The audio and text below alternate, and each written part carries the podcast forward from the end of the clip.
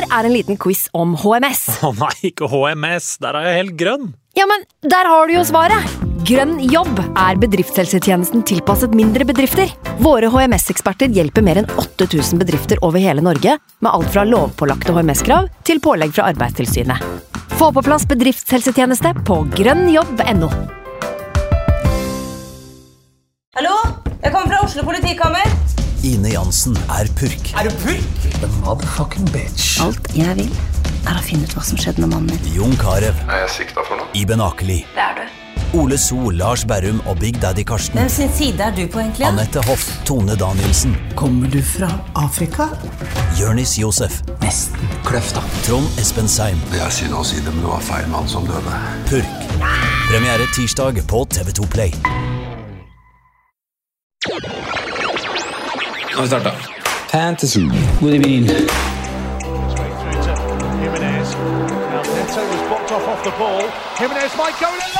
God evening.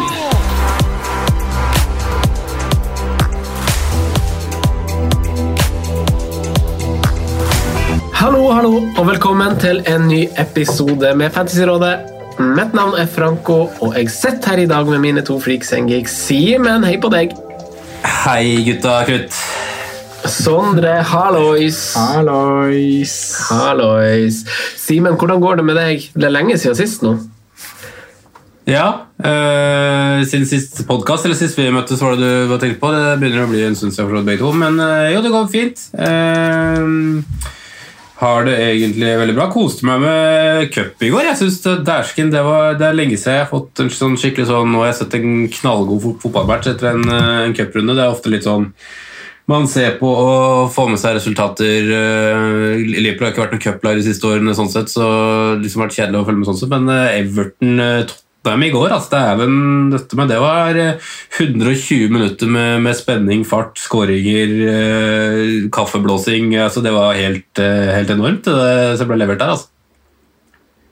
Ja, det tok fullstendig fyr. Det er lovende at det her er City sine to motstandere i dobbeltrunden vi går inn i, som, som her spilte 5-4 og 120 minutter. Ja, 66 timer før øh, du skal til Etiad, så spiller du 120 minutter øh, på Goodison. Det, det kan bli blytungt, det, altså. Sondre, da. Har du det fint? Har du hatt ei en fin uke? Ja, jeg har det. Fikk ikke med meg så mye cupball i går, men uh, cup er cup, er ikke det en sier? Det blir ofte mye mål. Jeg er veldig glad for at eh, jeg har sittet på gjerdet med bygda, egentlig. Eh, men eh, runden som har gått, Sondre, hvis vi, hvis vi blir hos deg, så har du hatt, lagt en ganske god runde bak deg. Ja, det har jeg faktisk gjort. Jeg var Skal jeg få opp laget mitt her? Jeg, jeg endte på 82 poeng, jeg. Ja. Som, som ga meg en liten, en liten grønn pil igjen fra en litt skuffende, skuffende Genvik 22. Eh, mye fine returns uh, på spillere som egentlig hadde en ganske tøff kamp. Uh, Martinez blant annet. Mange benka han rundt omkring. Der fikk jeg ni poenger. Fikk skåringa til Salah mot City, og jeg fikk 16-poengeren til Phil Foden. Som var meget deilig å få etter å ha tatt Foden over Gundogan-valget for, for noen runder siden. Så, så det har jo blitt seier Gundogan eh, poengmessig, men i hvert fall tok jeg litt nå, da. med med 16 poeng der, så det var, det var godt. Uh, I tillegg så så gjorde jeg ett bytte. Jeg kasta inn, eh, inn på Hongmin min sånn. Og Nei, skal vi se, jeg hadde ikke annen runde før. Jeg sparte kanskje byttet mitt. Var sånn det var. Jeg sparte byttet mitt. Hadde kasta inn Hongmin sånn mot Chelsea. Eh, Men jeg sparte byttet mitt, og det var kapteinsvalget som var det, som det, var det store spørsmålstegnet her. da, hvor vi, hvor vi var litt skeptiske. Vi spilte jo inn mens Spurs møtte Chelsea sist. og var litt sånn at Er er det det her som kommer, så, så fristes det jo ikke veldig å, å kapteine sånn. Eh, jeg endte med å gjøre det. det. Det kokte egentlig ned til fictures der og litt sånn mangel på andre alternativer. Kunne gått Fernandes, som fikk, fikk visekapteinen. Eh, ikke helt overbevist og, og solgt på både Antonio og Bamford. Og da, da gikk jeg og spille på fictures, som var West Bromwich. Og det endte jo godt. 20 poeng. Så um, var jo benke- benkesituasjonen Eller laget mitt har jeg jo sagt tidligere at det, det gjør seg med å benke en god offensiv spiller, eh, og valgte å benke Calvert Lewin, da, som spiller på Oxford. Så tolv poeng på, på andreplass på benk der, men ja, det er, sånn er det. Det er landskapet vi er i nå, så blir det mye poeng på benk. Jeg var ikke verst ut denne den runden her. Mange som, mange som har benka mye mer poeng enn jeg har gjort. Bedre med tørr kake enn intet å smake. Det er det. Det er jeg faktisk ikke enig med deg i. Ja, det Tørr kake er, det er ikke så veldig godt. Ja, men, men, det er bedre, med poeng på benken enn at, de, enn at du har spillere på benken som ikke gjør noe som helst. I verste fall hvis du hadde fått en skade, så er det Bedre å ha Cabot enn Mitchell. Ja, Men, ja. Eh, Men du fikk en god sum til slutt. Ja da, fikk 82 poeng. 80, 80, To. 82, 82. Sletten, da? Hvordan gikk det med deg der borte? Nei, det var jo Runde 22 var jo på en måte en opptur etter å ha vært nede i gjørma, og så er man tilbake da med et godt mageplask uh, egentlig nå, og har uh, nesten like mye poeng på benken som man har på Hjelveren. Uh, det var jo som Sondre at jeg også gikk jo Phil Foden i Manchester City, plasserte han trygt og godt på benkeplass nummer to. Eh, samme gjorde jeg også med Martinez, som Sondre nevnte. At mange som benket han denne runden her, der var jeg med. Byttet mitt var eh, Matt Target, som hadde null ut, inn med Matt Loughton for å triple eh, Burnley. Nei, ikke Matt Loughton, han hadde det før. Ben Me. Eh, så kasta seks poeng for ett poeng der. Tripla Burnley, som eh, ut, jeg, ikke, jeg har bare sett oppsummering av kampen, men ut som jeg skjønte burde egentlig, eller hadde egentlig en veldig solid defensiv match, men slipper inn øh, en mot øh, Brighton. Eh, så det ble usle 53 poeng på, på laget og 31 på, på benk, så det, det, det er jo seigt, da. Altså det, jeg er for så vidt enig da, med, med quotet fra, fra Franco litt, eh, som du nevnte også, at det er finere å ha poengene på benken og ikke ha dem. Men det er fryktelig uggent å, å, å føle at du har bomma så fælt når du virkelig har prøvd å sette opp den beste elveren. Det, det må jeg si. Men eh, sånn er det. Ikke alltid man lykkes, og ikke alltid man spiller så bra, men eh, vi får sikte inn mot neste runde. Nå kom jeg på byttet mitt. Jeg gjorde et bytte. Ja. Jeg hadde to free transfer. Jeg gjorde ett, så jeg kasta Robertsen og satt på Lauten. Kokte litt her nå, men eh, det var byttet mitt. Eh, jeg hadde, jeg hadde en runde midt, eh, midt imellom dere. En runde som, var, som jeg følte var helt på det jevne med hvor der folk kanskje lå. da. Eh, Jeg hadde jo ganske god grønn pil faktisk før Leeds-kampen og trodde den skulle bli bedre med at jeg bare hadde Bamford.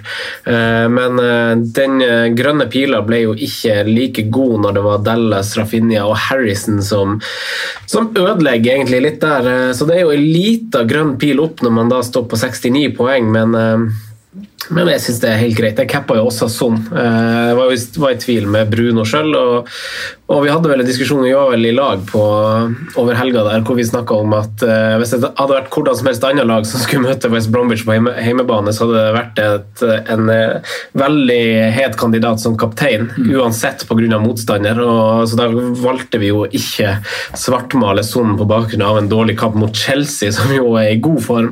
Så det var vel, føltes for meg veldig naturlig å, å cappe han eller Bruno. Da. Det sto alltid mellom de to. Eh, Sondre, eh, masse har skjedd. Eh, masse å ta tak i. Eh, hva, hva må vi snakke om i dag? Mye har jo skjedd på, på kort tid. jo, Nå sitter vi her på torsdag formiddag, eh, og vi fikk en del eh, svar i går på hva som kan skje. i hvert fall. Ben Crellin har sittet våken hele natta og fylt ut eh, Excel-arkene sine, så vi skal, eh, vi skal ta litt ståa på hvor vi er med tanke på doubles og, og blanks. Oppsummere litt eh, hva gårsdagens cupresultater har å si. Eh, i tillegg så fikk vi jo flust av skader i går. Eh, spillere starta ikke, spillere ble skada i løpet av matcher, og noen er litt småsjuke her og der, så vi skal ta en eh, runde på, på flagga folk. Eh, og så skal vi se på litt chipsmuligheter. Vi er i ulike situasjoner. Har vi blitt noe klokere siden forrige uke? Og så må vi jo snakke litt om dobbeltrunden vi skal inn i, da. Om det er noen, om det er noen musts for den runden, og hvem vi ønsker å prioritere. Ja. Veldig bra, veldig bra. Da fyrer vi i gang. Et minefelt skal navigeres, Sondre, og du er jo godt innpå det. Jeg ser at Pop er bytta inn av 120 000 personer. Diaz er bytta inn av 131 000.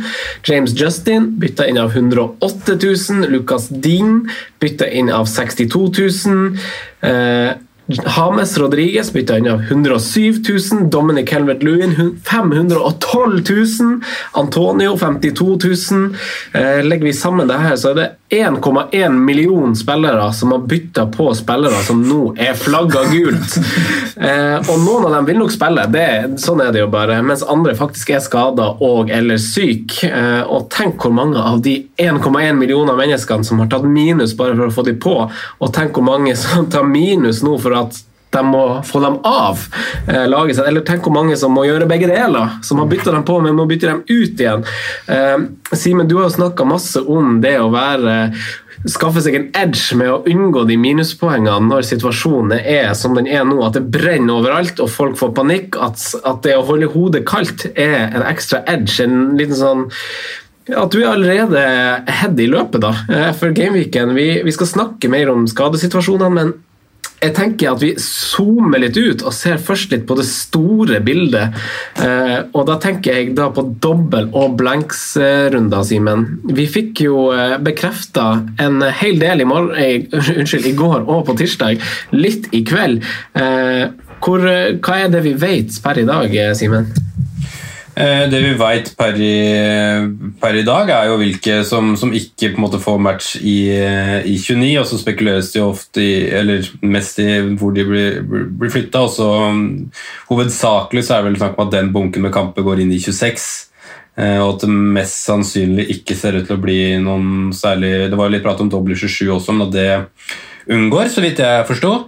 Eh, men hovedsakelig så er det jo de som på en måte gikk videre i går, eh, som mister kampen sin i, i 29. og Det er jo da snakk om Manchester City mot Wolverhampton. Det er snakk om West Bromwich mot Everton.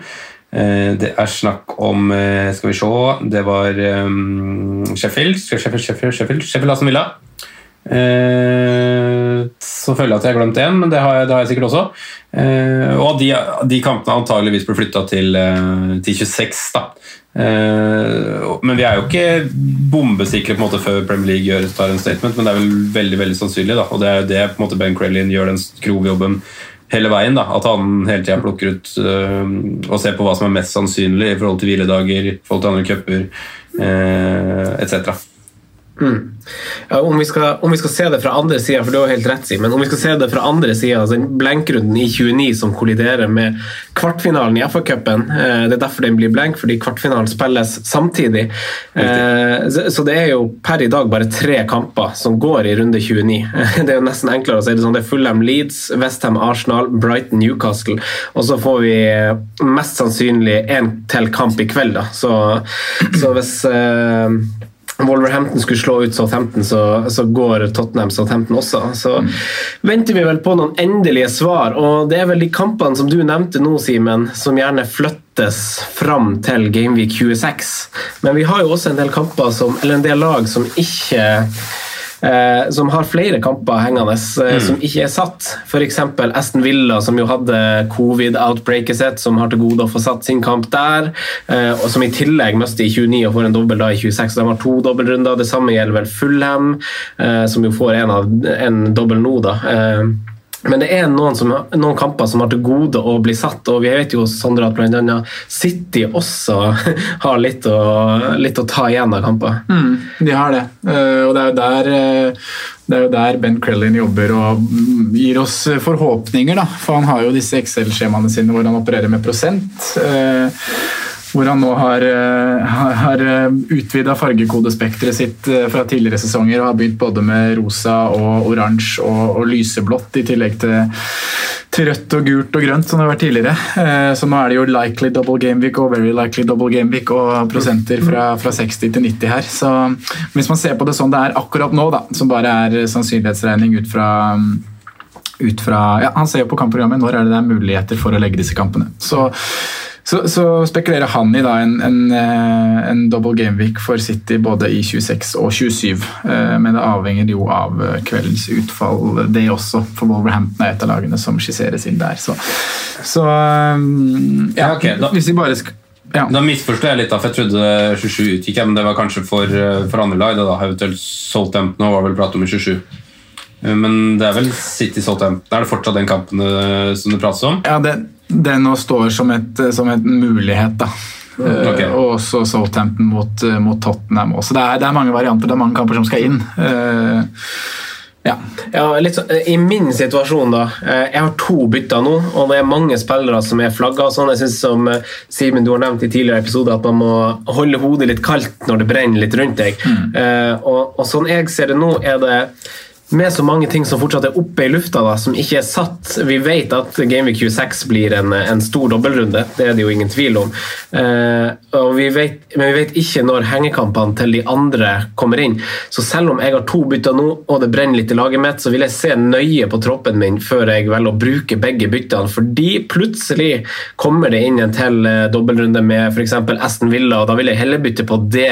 I, altså at de får inn hengekampen sin plutselig, istedenfor å bytte på bytte på uh, Fulham-spillere nå, eller noe sånt annet dobbeltrør, mm. for det holder Aston Villa såpass mye over. da, så så jeg synes akkurat denne runden her, ja, vi har en dobbel framfor oss, men vi har også masse informasjon som ikke har landa. Så jeg syns fortsatt det er litt viktig å, å tenke litt større bilde og, og spare litt på byttet og holde litt igjen eh, når ting fortsatt er såpass opp i lufta som det er. da. Spesielt for de i din situasjon da, som har som har svidd av wildcardet.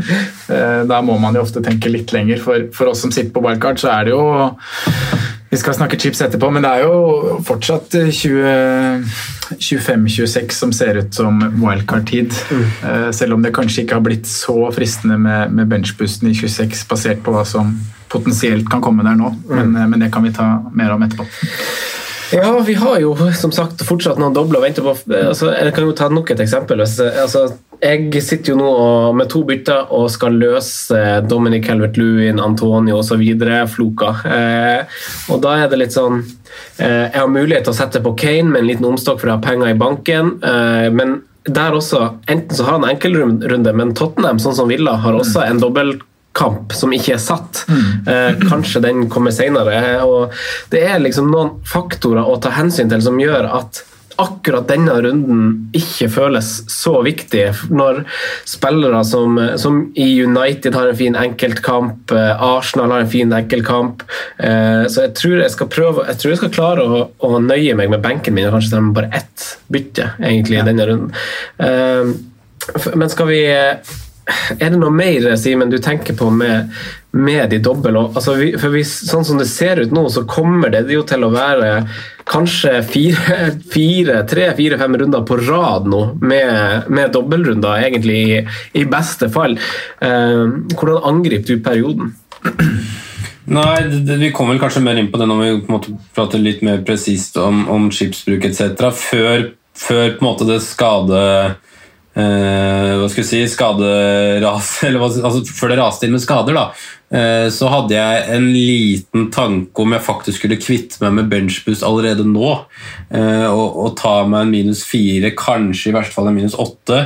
Kjøre benchboosten, ta et wildcard som jeg setter for å få mest mulig ut av- elveren. da eh, i nå, men sånn som med mindre man får klare signaler på hva som skjer med for min del, da, Pope, Dingen og Cavett Lewin, så tror jeg ikke benchbussen nå blir aktuelt. og Da blir det jo på en måte at jeg, opp, uh, at jeg holder meg til opprinnelig plan da, med, med wildcard i, i 25. Bygge et nytt lag som jeg kjapt kan kvitte meg med benchbus. Jeg sier kvitte meg med, faktisk, for jeg er så misfornøyd med disse, disse, chipsa.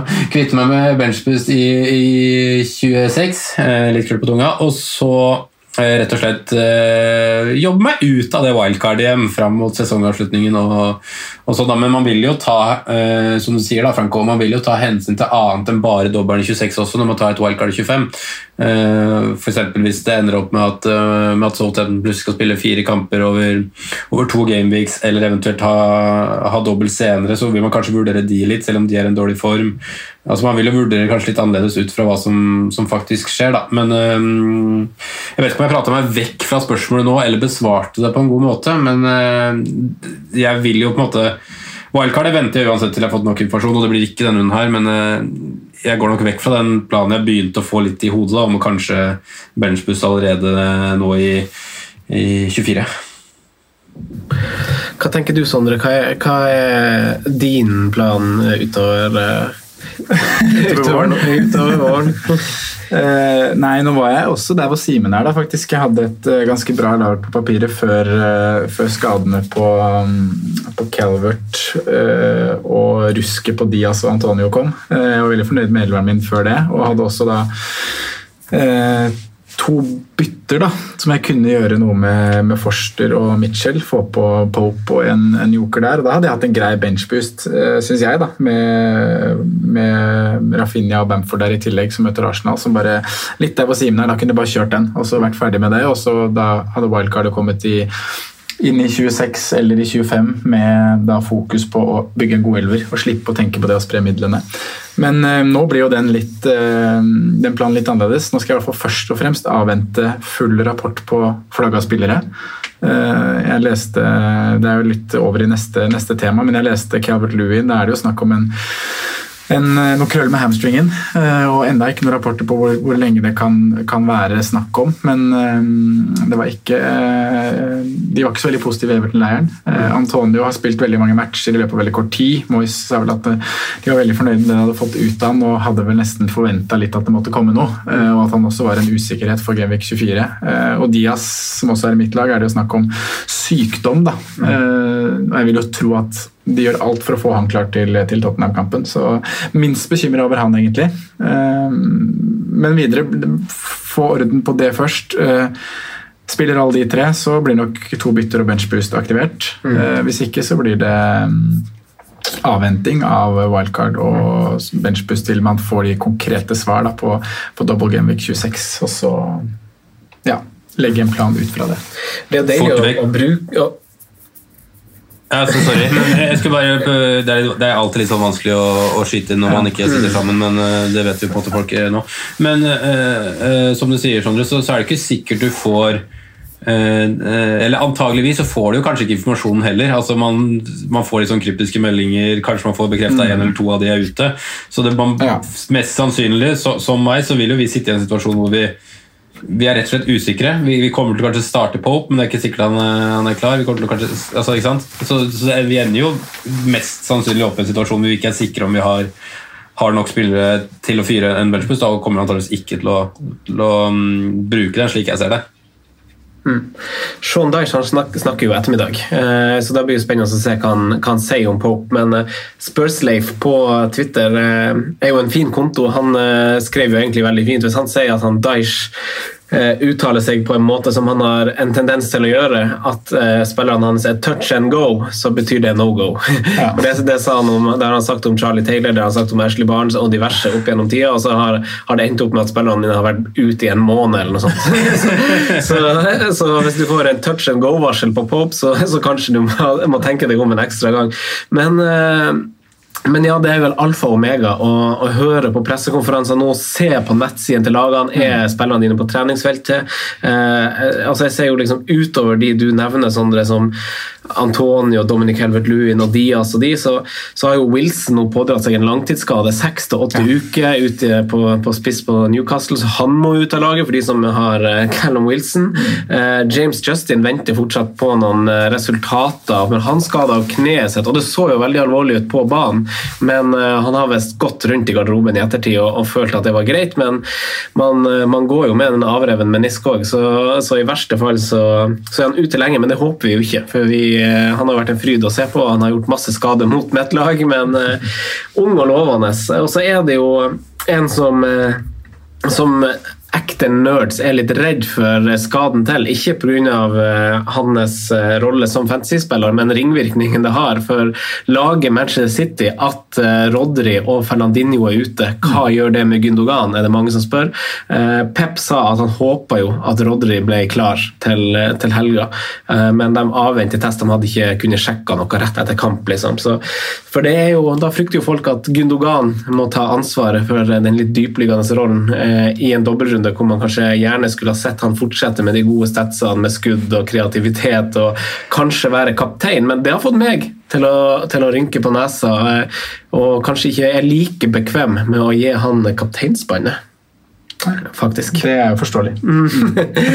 Faktisk. Eh, så Men eh, hvis vi snakker litt om eh, erstattere, gutta. For, eh, for Dominic Calvert-Lewin eh, må kanskje ut, Wilson må kanskje ut. Folk er kanskje på leting etter en spiss. Det frister ikke fryktelig masse med å sette inn Bamford til denne runden, for de som ikke har han. Altså, på blokka mi står, står liksom en spiller med enkeltrunde, og det er Selvfølgelig Watkins. Eh, skal jeg få han tilbake? Vi vet at Villa har en hengekamp. De får eh, flere dobbeltrunder. Det er et liksom trygt valg på sikt. Eh, eller skal jeg ta inn en spiller som har dobbeltrunde nå? Mitrovic i litt sånn Simen-kjærlighet? Eller hvordan, hvordan løser dere spissflokk? Eller det er kanskje en mulighet til å legge om til 3-5-2? Inn med Brewster, som omsider sank til 4-4. At han har flyttet på 4,5 fram til februar, er jo helt utrolig. men eh, men eh, hva, hva tenker du, Sondre? Hvordan, eh, hvordan løser man spissfloka? Nei, Du nevner jo at Bamford kanskje ikke er så, så fristende å sette på.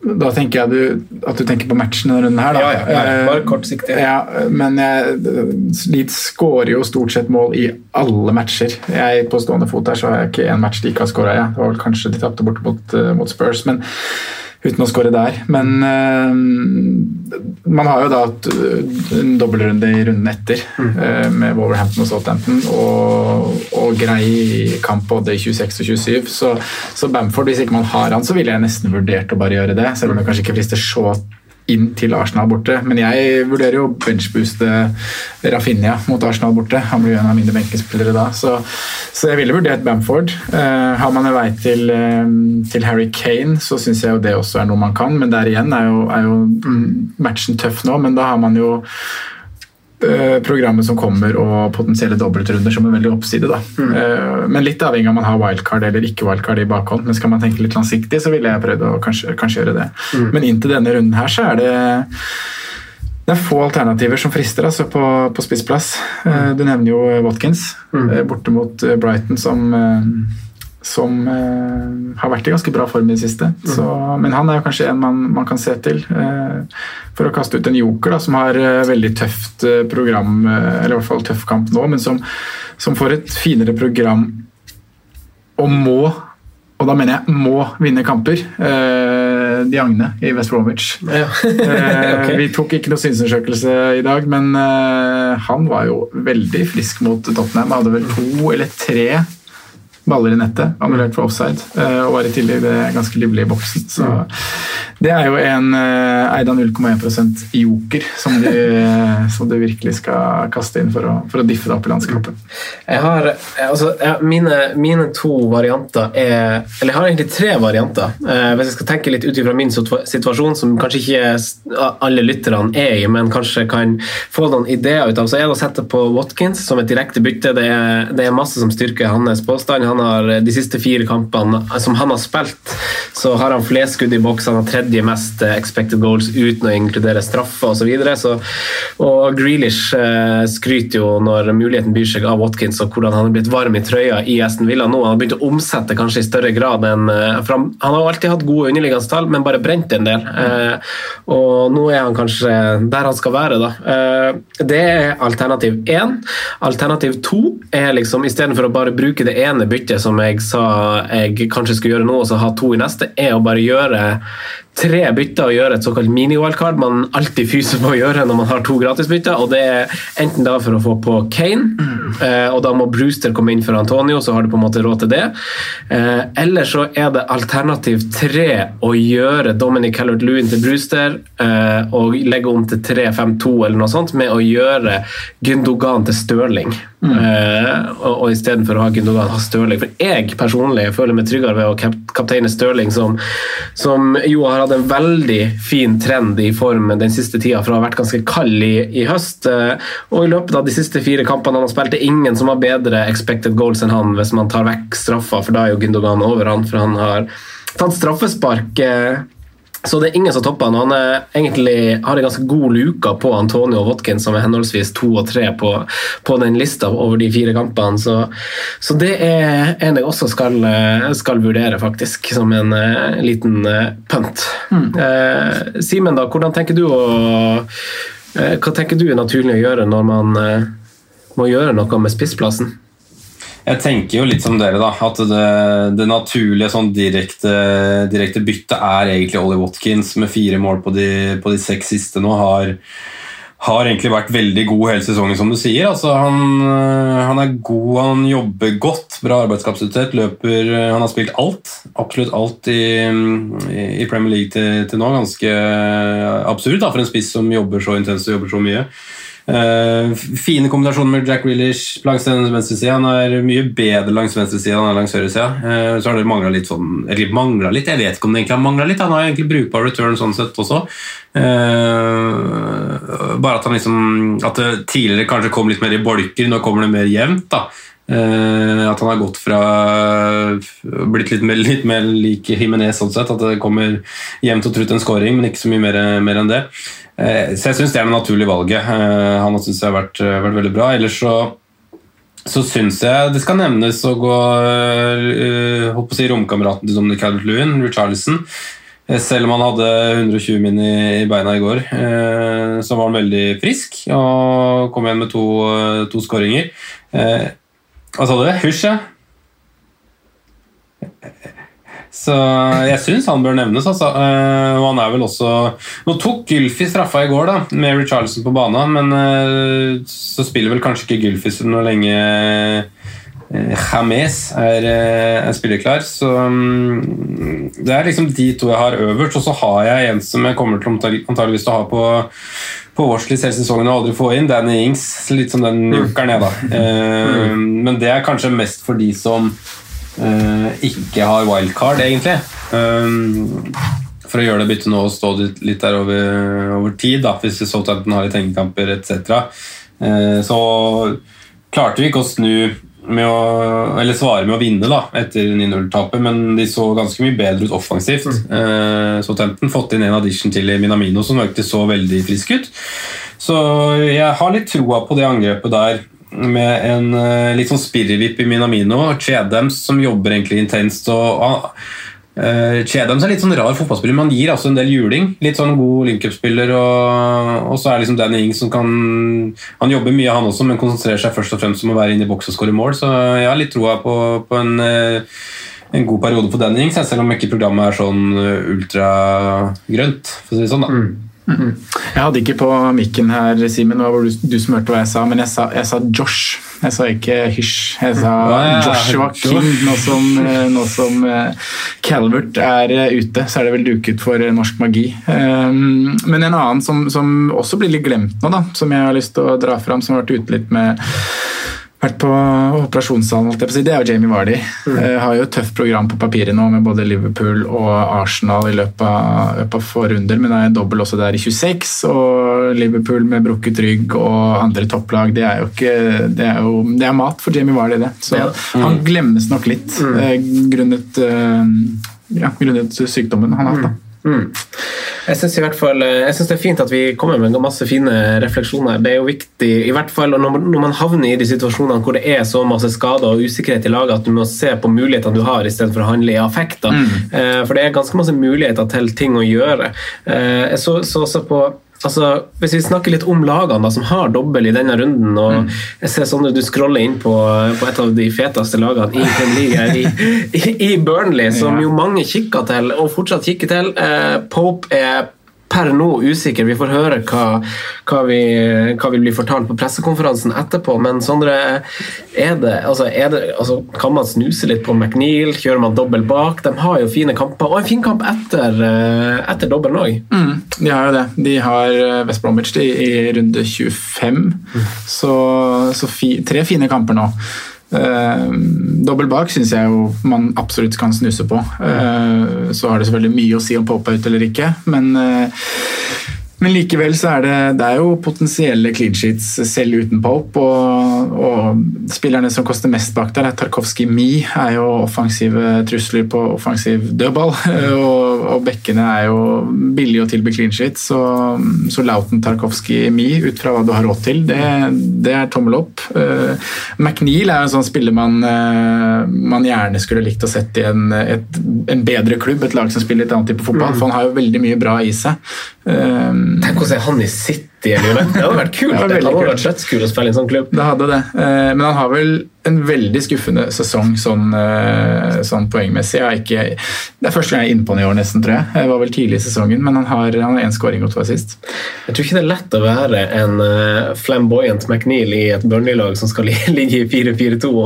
Nei, du får liksom ikke spilt på dine kvaliteter, da. Du gjør ikke det. Så, så, jeg er egentlig ganske klar på at man ikke lar seg lure av det offensive Burnley, selv om det jo kan friste med Nå er jo Wood flagga, men eh, Barnes det kan jo så veldig friste fordi det er dobbeltrunde, men jeg sier nei, altså. Eh, hvis man da skulle gått til en spiss med, med, med dobbeltkamp som er i, i det landskapet der, eller prislandskapet, da, så ville jeg heller gått for en eh, Bobby de Cordova Ja, som, eh, som faktisk har hele fem, fem skåringer i år.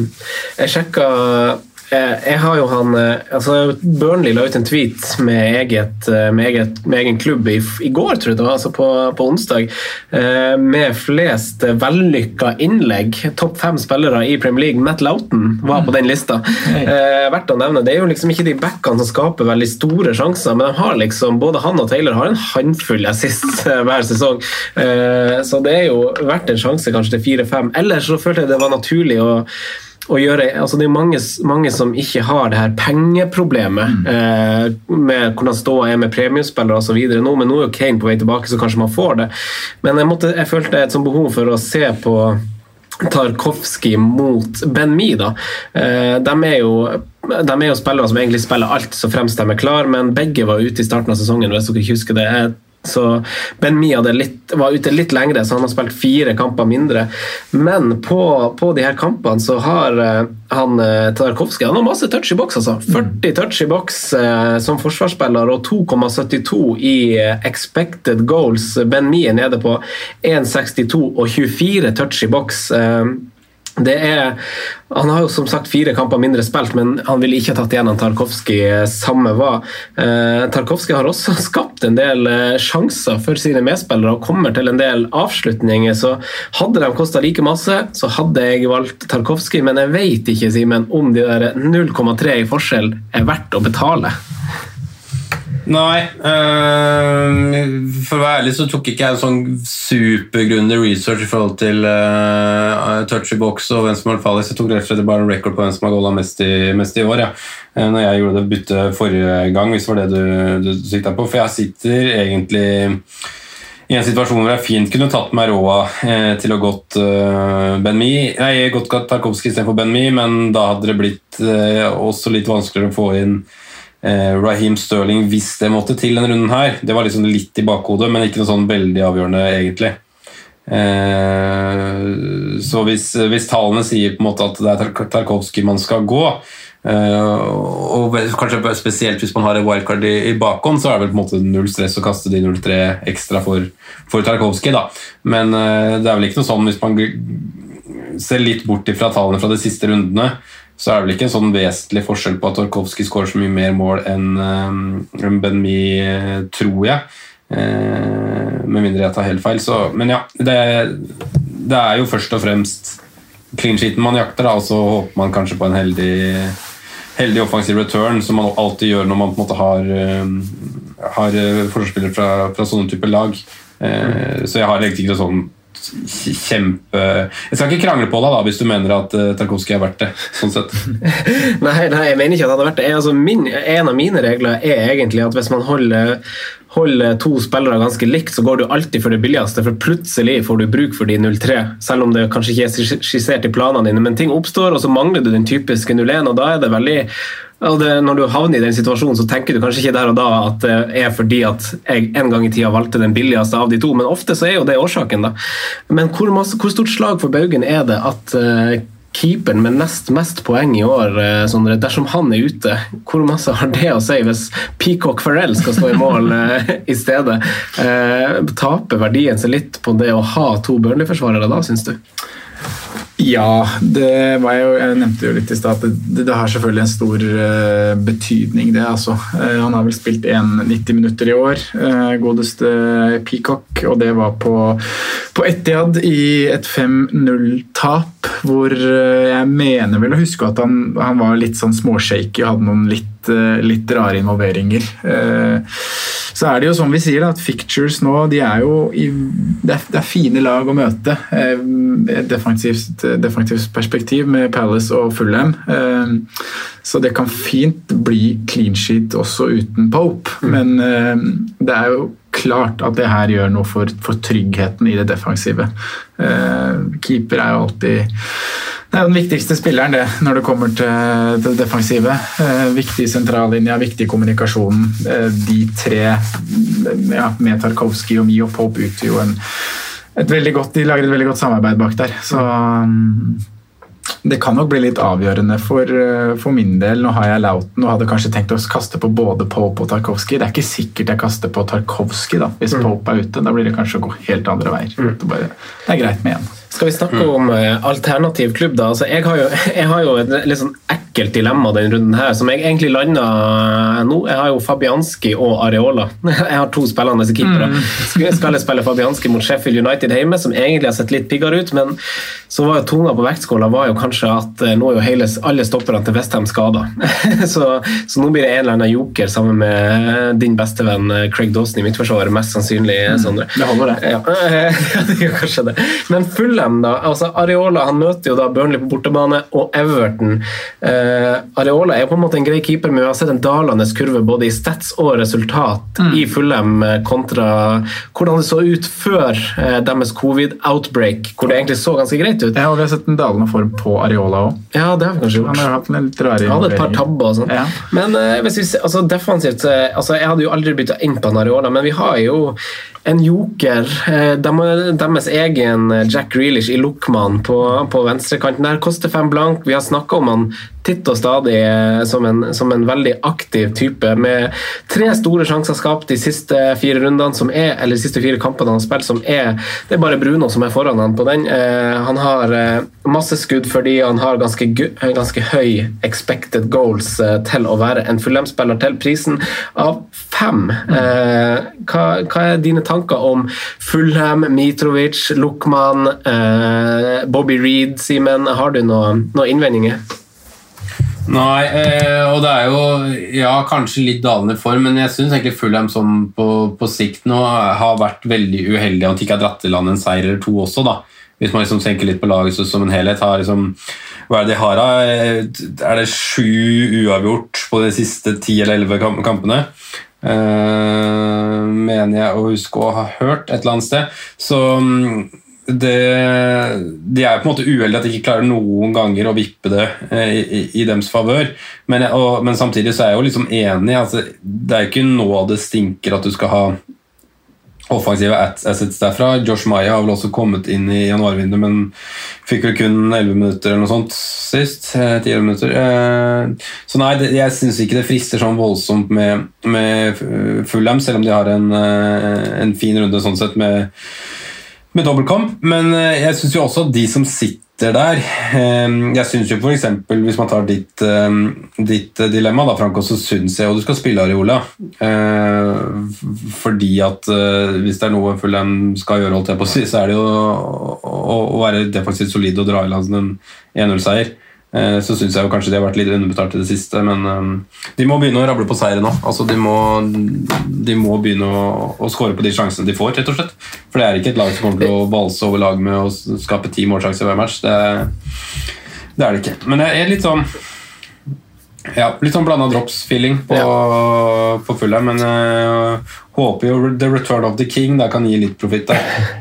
Ja, det er ikke veldig masse å bytte inn i det laget, men jeg, jeg føler bare at det er Innenfor den grad man kan kalle noe veldig sannsynlig, så tror jeg det er ganske sannsynlig at, at, Fulham, at Burnley Fulham blir 0-0. da. Burnley har vel 3-0-0-resultat denne, denne sesongen, og det er vel litt sånne typiske kamper hvor, hvor Burnley bare liksom ikke vinner. Eh, altså, det er et lag som Fulham De har spilt 0-0 mot Brighton og West Bromwich i hvert fall i år, tror jeg, og Villa, tror jeg. Så hva skal jeg si, Sondre? Nei, også, nå har Everton uten Calvert Lewin gjør jo også litt, da. Ja, De og kanskje også uten Hames. Kanskje også uten Hames, ja. Og Digne. ja. Så det er litt å si det. Og Fulham òg, som, som Burnley, fin kamp i 25. Da, Mm. da har de Sheffield United hjemme. Ja. Simen? Mm. Og så tenkte Jeg bare skulle skyte inn i sted, jeg prøvde å ikke avbryte i stad, men når vi er innom på, på Burnley og den der Pope-pratet om han er ute og sånn, så jeg er helt enig at Pope ute er et kjempesavn altså for Burnley, men bare for å liksom se det fra en litt annen vinkel, som dere begynte å gjøre litt, gjøre litt nå, at kanskje ikke Bur uh, Fulham for ser så bra ut, og det er ikke uh, så sannsynlig at kanskje de skårer uh, så mye mål mot Burnley, uavhengig kanskje av hvem som, av hvem som står i mål. Så skal vi tenke litt på at den andre motstanderen de har, er Crystal Palace. De har spilt fire kamper uten Wilfred Saha i år. De har skåra null. Uh, så det er, ikke, altså, det er, jo ikke et forrykende Crystal Palace de møter uh, heller. Så det, man må på en måte tenke litt i det motstand, selv om jeg sitter og krysser alt jeg har av fingre og tær for at Pop har klart den matchen der. Jeg sitter med en trippel bak der, så, så klart jeg håper på det. Men, men, jeg kommer til å stå greit komfortabelt med de to uansett. Da. Altså, ja. Jeg kommer til å være fornøyd med de uavhengig om Pope står eller ikke, fordi at de har en dobbeltkamp hvor, hvor de vet at Burnleys vei til suksess er å holde nullen, og du vet at motstanderlagene ikke er i forrykende offensiv form, så er jo det en summa summarum en bra situasjon å stå i. Mm. Mm. Godt, Det er gode poeng, Simen. Er Wilfred Saha ute, da? Vet vi at han er ute neste kamp òg? Det, jeg har ikke fått med meg om, eh, om Roy har prata. Han håper, håper han er litt mer våken enn han var da han ble fanga av kamera nå uh, forrige runde. Det var et forbausende bra blikk. Men jeg tror, ut fra hva jeg har hørt, så er vel ikke Vippet Sa tilbake enda nei. Jeg ser at det ikke står så mye rapport på fancy-sida, men jeg tror ikke han er tilbake. Nei, det er vel noen strekkgreier. Vi kan bevege oss til ja, Vi kan vel bevege oss til eh, neste klubb. Nå føler jeg vi har dekket Burnley og Fulham greit. Og så har vi igjen eh, Everton og City og, og snakke litt om det. Nå har vi jo et veldig, sånn, et veldig skadeplaga Everton, som er litt vanskelig å si hvor kommer til å være når fristen er inne. Eh, mest sannsynlig så spiller vel ikke Dominic Helvert-Lewin. Eh, jeg tar i hvert fall høyde for at han ikke gjør det, mindre meg for en kontrabeskjed. Ja. Men er det noen andre spillere som er aktuelle? For de har jo, altså Fulham-kampen er jo på papiret veldig fin, så fremst de klarer å stille lag. Ja, det var det, da. Men eh, nei, det er vel ikke så mye, mye annet. Jeg syns jo shouten Richardison for Simen her er uh, berettiga. Han uh, var vel ganske frisk i går, og Simen, det kan du si mer om. Men han får jo en enda mer sentral rolle med, med Cavert Lewin ute. Det er synd ikke Gylfi er fast mm. med det han har levert når han har spilt nå i det siste. også dødballfot og straffer og sånne ting. Så, men han vil vel kanskje da spille da, hvis Calvert er ute, så det kunne kunne jo vært noe hvis man ville satsa på noe der i to-tre kamper nå før et wildcard. Eh, men så skal det jo igjen huskes på hvem motstander det er. Da. Det er jo City og Liverpool i, i, de to neste rundene. Så um, det er ikke så mye mer å hente i Everton. Eh, jeg syns det er ganske klare alternativer i det laget når de er friske. Eh, men når situasjonen er som den er nå, så, så er jeg usikker på hva vi får se. Og som vi snakket om innledningsvis her òg, 120 minutter i går. Mm. Det blir tøft å reise til, til Etiad og få to, to tighte kamper nå. Mm. De, sliter med, de, de, sliter også litt med, med troppen akkurat nå, eh, mm. Everton. Det er jo ikke bare de nevnte i Digne og i Digne og uh, Dominic Havert-Lewin, som på en måte har vært på, på skadefronten der. Det er vel en Allan som har vært ute en liten, uh, liten stund nå. Du har vel litt trøbbel um, også på um, ja, Hamens, da, som nevnt. Så det, det, er liksom en tropp som slites litt, og da Eh, det ser de også litt på byttene og hva de gjør også. Det har ikke så veldig mye rundt å, å, å ta av, da. Nei, Vi trenger kanskje ikke å snakke så fryktelig masse mer om Everton. For meg så blir det plutselig ganske uaktuelt når de mest aktuelle spillerne skal, eller sånn, de er gule. Ja. Eh, så eh, Richarlison har jo vært litt sånn ut av skåringsform. da, Nå meldte han seg jo litt på i går, da. men eh, sånn, bortsett fra det så har han jo mest bare sett sint ut for å ha blitt bytta ut og få ikke helt til. Er ikke helt i den flytsona. Så det var Dominic og eventuelt krydderet med Hames Rodriguez for min del, eller Lucadin. men mm. Nå blir det å se andre veier, og vi har City, da, Sondre. Så, ja. som er, nå har vi jo den skaden til Fernandinho og sånn som vi snakka om innledningsvis her. Potensielt Rodri, hva kommer det til å gjøre? Eh, eh, hvordan eh, rangerer du City-spillerne? Hvordan stiller det spørsmålet? Er det, er det mulighet for å se andre veier enn eh, enn eh, de som alltid snakkes om, og alltid, eller lenge har blitt snakka om. Ja, det er, jo, det er, jo, det da. Det er vel veldig mange som, som nå har, har, eh, kanskje malt seg litt opp i et sånt uh, to bak-hjørne i City, mm. og at man er investert i Gundogan da, på midtbanen, som gjør at det kan være litt, litt jobb å flytte midler. Uh, enkelt eller enklere kanskje for, fordi med Calvert Lewin meldes han ute, så kan man nedgradere der til Brewster, som du sier, og så flytter Gundergan opp til noe. Eh, og hadde jeg skulle rangere uavhengig av pris, eh, så er det Stirling som er, som er favoritten. Eh, og det handler jo om, om den oppsiden vi alltid, alltid snakker om, da. Eh, og at han egentlig nå har sett ganske ganske bra ut i de to siste matchene, og spesielt mot Liverpool syns jeg han var, var, frisk og god mot, mot Trent på, på, på sida der. Så, så Stirling er nummer én uh, hvis jeg skulle rangere. Så er det jo for meg, da, som sitter med Eller vi skal ta Gundogan først, så, så, skjønner jeg de som eier der sin skepsis. Jeg er jo litt, jeg gnir meg kanskje litt i hendene her og håper han skal bli flytta ned i en mer defensiv rolle, men man vet aldri. Plutselig er det Cancelo som opererer på den på midten, og en, en walker inn på bekk og noe, og, og, og noe fiksfakseri sånn sett. Så, så jeg vet ikke om jeg ville hasta og fått så panikk at jeg hadde kasta ut Gundogan og liksom prioritert å gjøre noe med det, bare fordi at man antyder at han skal spille dypere. Mm. Uh, vent og, og, se litt, holdt jeg på å si. Mm. Uh, for meg med Foden, uh, veldig fornøyd med at han ikke, ikke spilte i går. var jo lysende mot Liverpool, så mm. kommer nok bare til å holde han på laget, og per dags dato står faktisk kapteinspinnet der også. Oh. Men det er å leke litt tøff, kanskje. Vi får, vi får se. Mm. Men har egentlig ikke så mange andre sånn åpenbare Det er jo selvfølgelig Bruno Fernandes da, som har den ficturen han har, men man vil jo alltid kapteine dobbeltspiller hvis man har muligheten mm. til det. Mm. har jo lekt med Pope-tanken også, men uh, blitt litt mindre aktuell nå med, med, med skade, skadenytt. Ja.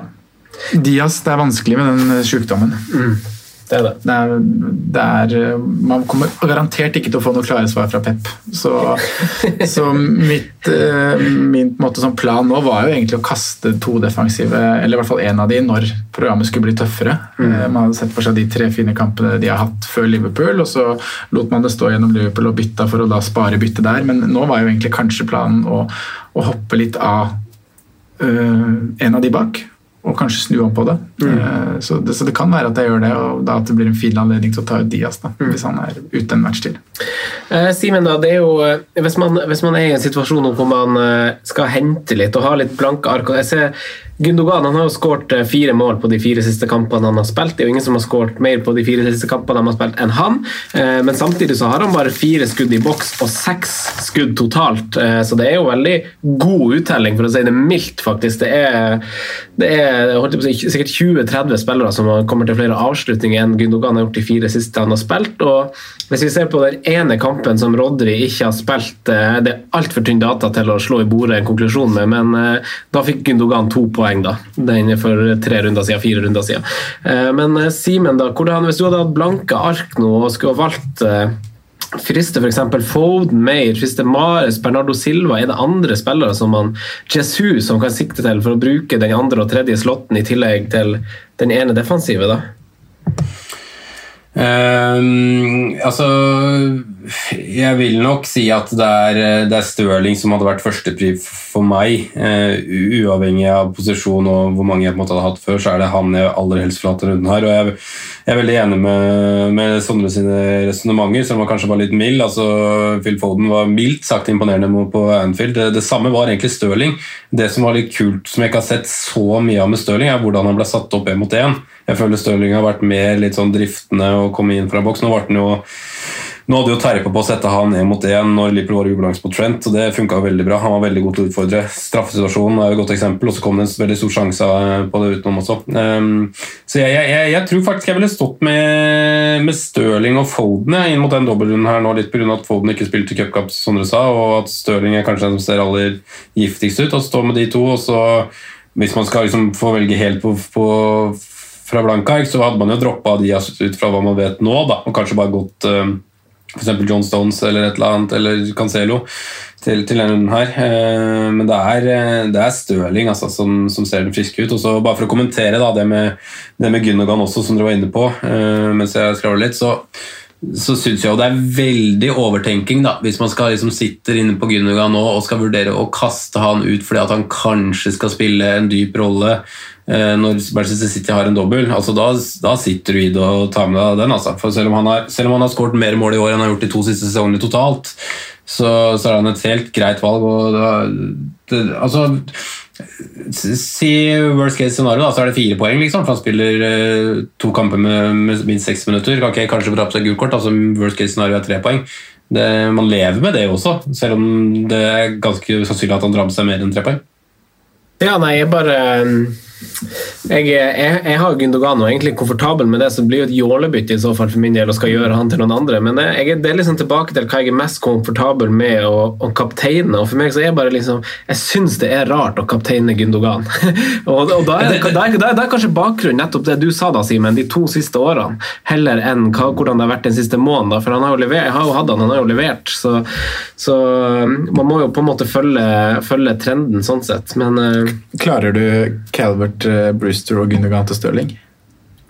Uh, skal vi se, mens jeg sitter her Jeg, tror, jeg, tror, jeg må gjøre minus fire, skjønner du. For å, men det er nesten Man har litt penger. Men da er det på en måte helt, ja, det da er det på en måte helt greit. Altså, jo, ja, da, leg, da, da, legger du jo en til faktor, Franco. Altså, da legger du jo til, til, eh, til faktoren om at du, at du trenger en kaptein til runden. Da blir jo på en måte scenarioet helt ulikt enn å gå Uh, som på en måte var litt sånn skissert i, i det vi snakka om litt tidligere. Da. Gå f.eks. Gundogan til Foden, gå Gundogan til Mares eller noe sånt. Altså, du legger jo til kapteinsfaktoren, på en måte, da, og da blir jo ja, Da syns jeg at, kan, at, man kan prate på en annen måte. Men å gå og bytte Gundogan fordi han kanskje ikke skal spille og gå over til en Phil Foden, det hadde jeg jo ikke gjort. Ja, nei, det, det, det, Jeg håper ikke dere tror at jeg antyda det. men, men det, nei, nei, det, nei, nei, det, som å stå helt om, altså, ja man må jo på en måte se på det på, på, altså, Jo flere uh, faktorer man legger inn, måte, jo mer kompleks blir jo kanskje dilemmaet. Men sånn rent hypotetisk, når vi hadde fått noen spørsmål om og du hadde sett at det var diskutert om vi skal gå Gungan i et rent bytte til en annen, mm. så anser jeg det som at okay, ok, da gjør du ett bytte til en annen. Da har du ikke så mye midler å hente. Okay, kanskje du kommer opp til Vilfolden, men liksom ikke så mye annet. Det byttet ville jeg ikke gjort. Nei, det Men hvis det handler om at okay, jeg finner ikke noen kapteinsemner Jeg skulle kapteina Dominic Calvert-Lewin, han er skada. Jeg skulle kapteina uh, Nick Pope, han er skada. Jeg har ikke noen andre jeg har lyst til å kapteine. Jeg vil ha inn Raheem Sterling, for det er han jeg vil kapteine. Det blir en annen case. Mm. Uh, hvis vi runder av, nå vi dekket de fire lagene. Uh, jeg vil bare ha svar på én ting først. Er det for de som på en måte det er jo noen ulike måter å se på chips på, men er det her en sånn der mulighet hvor man bare bruker free hit for de som har det. Liksom, for Jeg skulle gjerne ha snudd City-trioen City min for runden, hatt offens to offensive i stedet. Eh, Cancelo spiller sikkert bare én kamp. Eh, er det en mulighet for dem som på en måte har tre-fire flagga spillere, og så bare kjøre ut med City og Arsenal-spillere mot Leeds, kjøre Aubameyang der, og, og tre United-spillere mot West Bromwich og Hæ? Er det, er det, noe å gjøre? For, for det, det, virker jo ikke som mange av de skadene er veldig langvarige, så kanskje man er heldig å ha dem tilbake til neste runde. Men er det, er det bare å forskyve et problem, eller er det noe å hente her? Føler, ja, det var det jeg satt og tenkte på. om Du bare skyver, eh, skyver problemene lenger mm. frem. Da. Men uh, tanken er jo god, da. Jeg liker jo det med å kunne Da hadde jeg nesten valgt uh, to midtbanespillere og Jesus. Ja, Maksa offensivt City der, litt som vi snakka om i forrige, forrige blank-runde, hvor man også ville hardt, inn, hardt på City mot Brighton. Mm. Uh, men uh, spørsmålet her er jo en ting er hvordan du sitter. Sitter man med masse flagga spillere og, og lite double gaming-spillere, så hadde jeg jo kanskje tenkt at det kunne vært en fin mulighet. Uh, men annen, et annet faktor ved det er jo man kan få mer bruk for den, for den free hit-chipen i enten Double Gameweek 26 eller blank Gameweek 29. Mm. Men det, det, vet man jo på en måte ikke helt. Da. Det ser ut som det blir en veldig liten blank og ikke det er så mye å hente derfra. Mm. Så nei, jeg, liker, jeg, liker, tanken av det. Mm. Ja. Problemet med det er jo at sant, når, når, man legger fram et sånt scenario, da, sånn som Franco, Franco, gjør der, så det høres jo så pent ut. ikke sant? Altså, det høres så veldig bra ut å kunne få hvilke tre du vil få sitte. Altså, så klart free til neste runde er det beste du kan ha. det. Det er utvilsomt. Altså, du får de beste eh, spillerne til runden, du kan kapteine akkurat hvem du vil, du kan få unna de som er skada og sånn. Eh, men så må man jo se på ulempene. Man må se på kunne jeg fått brukt den for den seinere. Eh, sånn det ser ut som nå, med en veldig liten blank i, i 39, så, nei, i 39. Så skal vi spille langt ut i, til sommeren nå, da. I 29 så, så, for, så, er det ikke sikkert du trenger freeheaten der, men man vet jo aldri hva som skjer osv. Så, videre. så man ser litt på hvor dårlig er scenarioet til denne runden her. Er det sånn at det brenner skikkelig om at du må ta minus 12 for å stable et lag du er fornøyd med? Ok, kanskje, men uansett altså, opp, Oppsiden selvsagt, den er enorm. Den, det er den hver runde med, med freet. Ja. ja. Men er det noen, før vi runder av og går til våre faste to spalter, er det noen eh, spillere dere anser Simen, vi kan ta deg først, du anser som, som must å prioritere som bytter inn i denne runden? Uh, det er litt vanskelig å si. Altså, must, jeg ville jo sagt Hvis Pope var klart, så ville jeg sagt klart så det var must med Burnley-forsvaret, faktisk. Eh, fordi at så mange kommer til å doble, og noen er så gærne som meg vil triple, så, så syns jeg jo det. Jeg syns jo Syns jo Bruno Fernandes fortsatt er et must, da, med tanke på at eh, Men nei, altså, ikke noe sånn ikke noe sånn mer enn vanlig, ikke noe sånn fordi den runden her er så, så spesiell. og Poenget til City vil jo fordele seg liksom godt utover de også, man vet ikke helt her. Så ikke noe mer enn det, egentlig. Must. Sånn da. Nei, Simen tar det viktigste der. Du må, du må få på noe Burnley defensivt. Både for at de eh, kan få clean shit, og fordi veldig mange andre kommer til å ha trippel. Eh, og så er det Bruno, da. Og City. er, ja, men, ja, det er, men det er ikke noe must i City. Måtte du bare har noen, men du gjør ikke det. Ja. Eh, vi hopper til våre spalter, vi gutta. Og så hopper vi til spalten. Franco nevner spillere som kan være aktuelle. Rådets spillevalg. Jeg tror jeg skal ta den uforberedt hver gang. Jeg tror det bedre. Kjør den nye spalten. Det her faen meg gleder jeg meg til. På perrongen denne gangen er det spillere som har dobbeltrunde denne runden. De leverte ikke nødvendigvis runden som gikk, eller i cupen for den saks skyld, men det er spillere som er jeg vet ikke om dere velger å se på det som jokere, eller hvordan dere gjør, det får vi høre. da. Men eh, Simen, førstemann på lista er Richard Lison. Ja, jeg, jeg vurderer det med, med tanke på at jeg har et, uh, har et wildcard. Jeg vil kanskje tro at det var vel, Jeg husker ikke hvem av dere som sa det i stad, jeg tror det var Sondre. At det kanskje spiller litt inn. da, at, uh, Med tanke på at programmet sånn videre ikke er så bra, men han har en dobbel nå, så jeg, jeg sier ja på den. Sondre? Uh, nei, jeg er ikke helt, uh, ikke helt solgt på den, så jeg sier nei. Ja. Eh, jeg sier vel uh, Jeg kunne ha vurdert det, men det blir akkurat et nei, tror jeg. Men uh, jeg kjøper argumentasjonen din, Simen. Men slår du et slag for Dwight McNeil, da? Eh, nei. på to runder. Der, jeg vet ikke om det var meg du skulle ha svaret først der. jeg vet ikke. Jo men, jo jeg tror ikke jeg hadde gått fremst i rekka med sverdet for Dwight McNeil, nei. Nei. Simen, da? Nei, Sondre? nei, leder ikke fakkeltoget der. Nei, samme. Eh, ha med Tarkovskij, Simen. Ja, altså Burnley-forsvarer er Burnley-forsvarer. det. Jeg tenker litt sånn at det er litt samme hvem du har, for jeg tror ingen av de får noe offensive return, men jeg sier jo ja. Sånn, Sondre. Ja. Eh, Sistemann er Lokman, eh, Simen. Hvis du har, hvis du har to bytter, hvis du har to bytter Ingen gule spillere. Du skal ha en spiller inn og ha litt i banken for din 4,5 banespiller som er død der, Anguissa eller et eller annet sånt. Nei, blir, det blir faktisk et sideveis bytte i samme klubb. Men uh, han, spiller, han, han spiller ikke lenger, han Anguissa. Ja. Oriol Romeu eller noe sånt. Uh, Dendonka. hadde du satt på uh, Luckman? Um, hadde jeg hatt Romeo, så hadde jeg nok beholdt han på førstemann på benk, for da vet vi at det alltid kommer inn noe hvis det skulle skje noe. Men, eh, Gult kort eh, eller mål? Ja, jeg jeg, jeg syns Luckman er altså Hvis du sitter med, så er det et helt greit valg å ha, på en måte, men jeg tror ikke jeg ville i noen scenario prioritert han inn, da. Nei. Sondre? Jeg syns han er fin. jeg. Ja. Både han og Bobby Reed liker jeg fra før. dem. Jeg har dem på draftlaget mitt, men jeg tror det holder. Så det blir, det blir nei til som fancybytte. Men Sondre, rådets spillervalg skal vi avslutte episoden med. Ja, eh, da skal vi få lov til å velge litt spillere med, med double game week nå i, i 24. Før vi går på, på oppgaven, så tenkte jeg at jeg skulle ta de, de dystre tall da, gutter, fra de siste, siste tre rundene. Vi har jo hatt en Tror ikke du fortsatt? Nei, Da ting snur fort i fotball.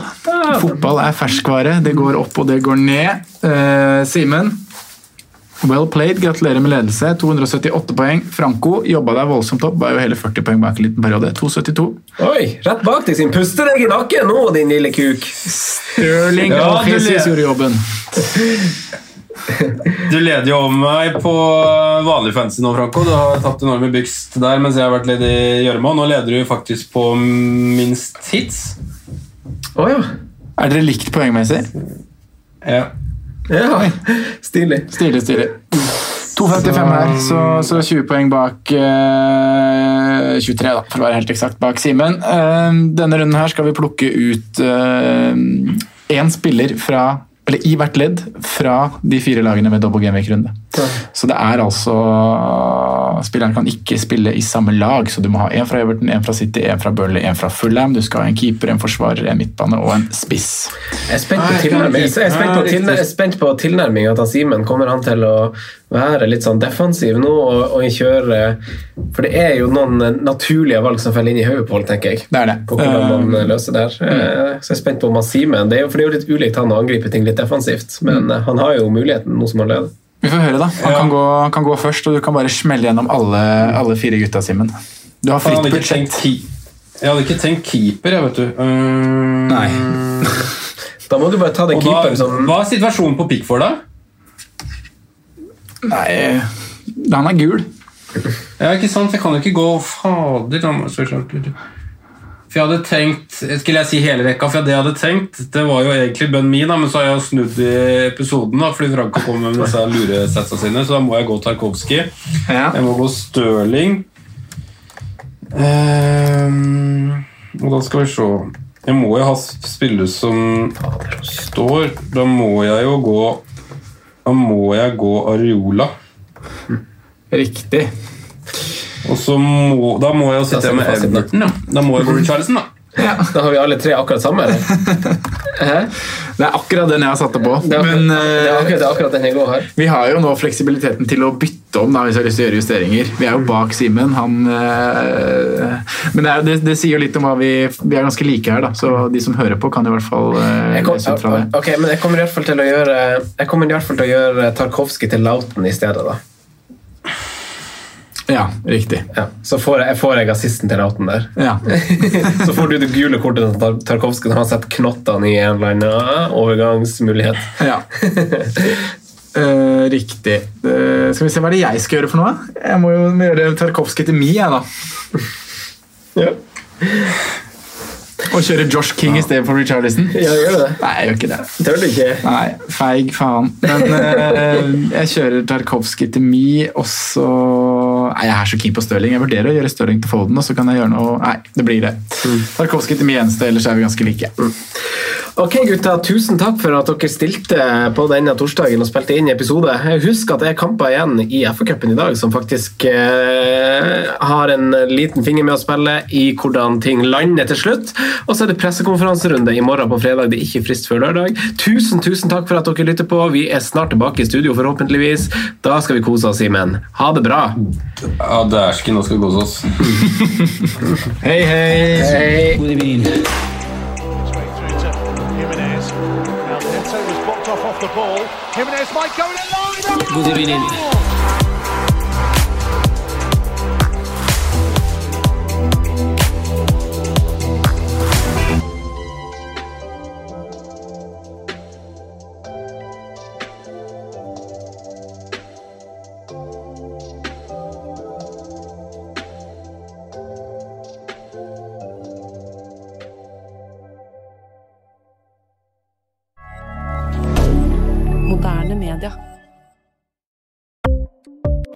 Ukens annonsør er Folio, en smartere banktjeneste for deg som har en egen bedrift eller ønsker å starte for deg selv.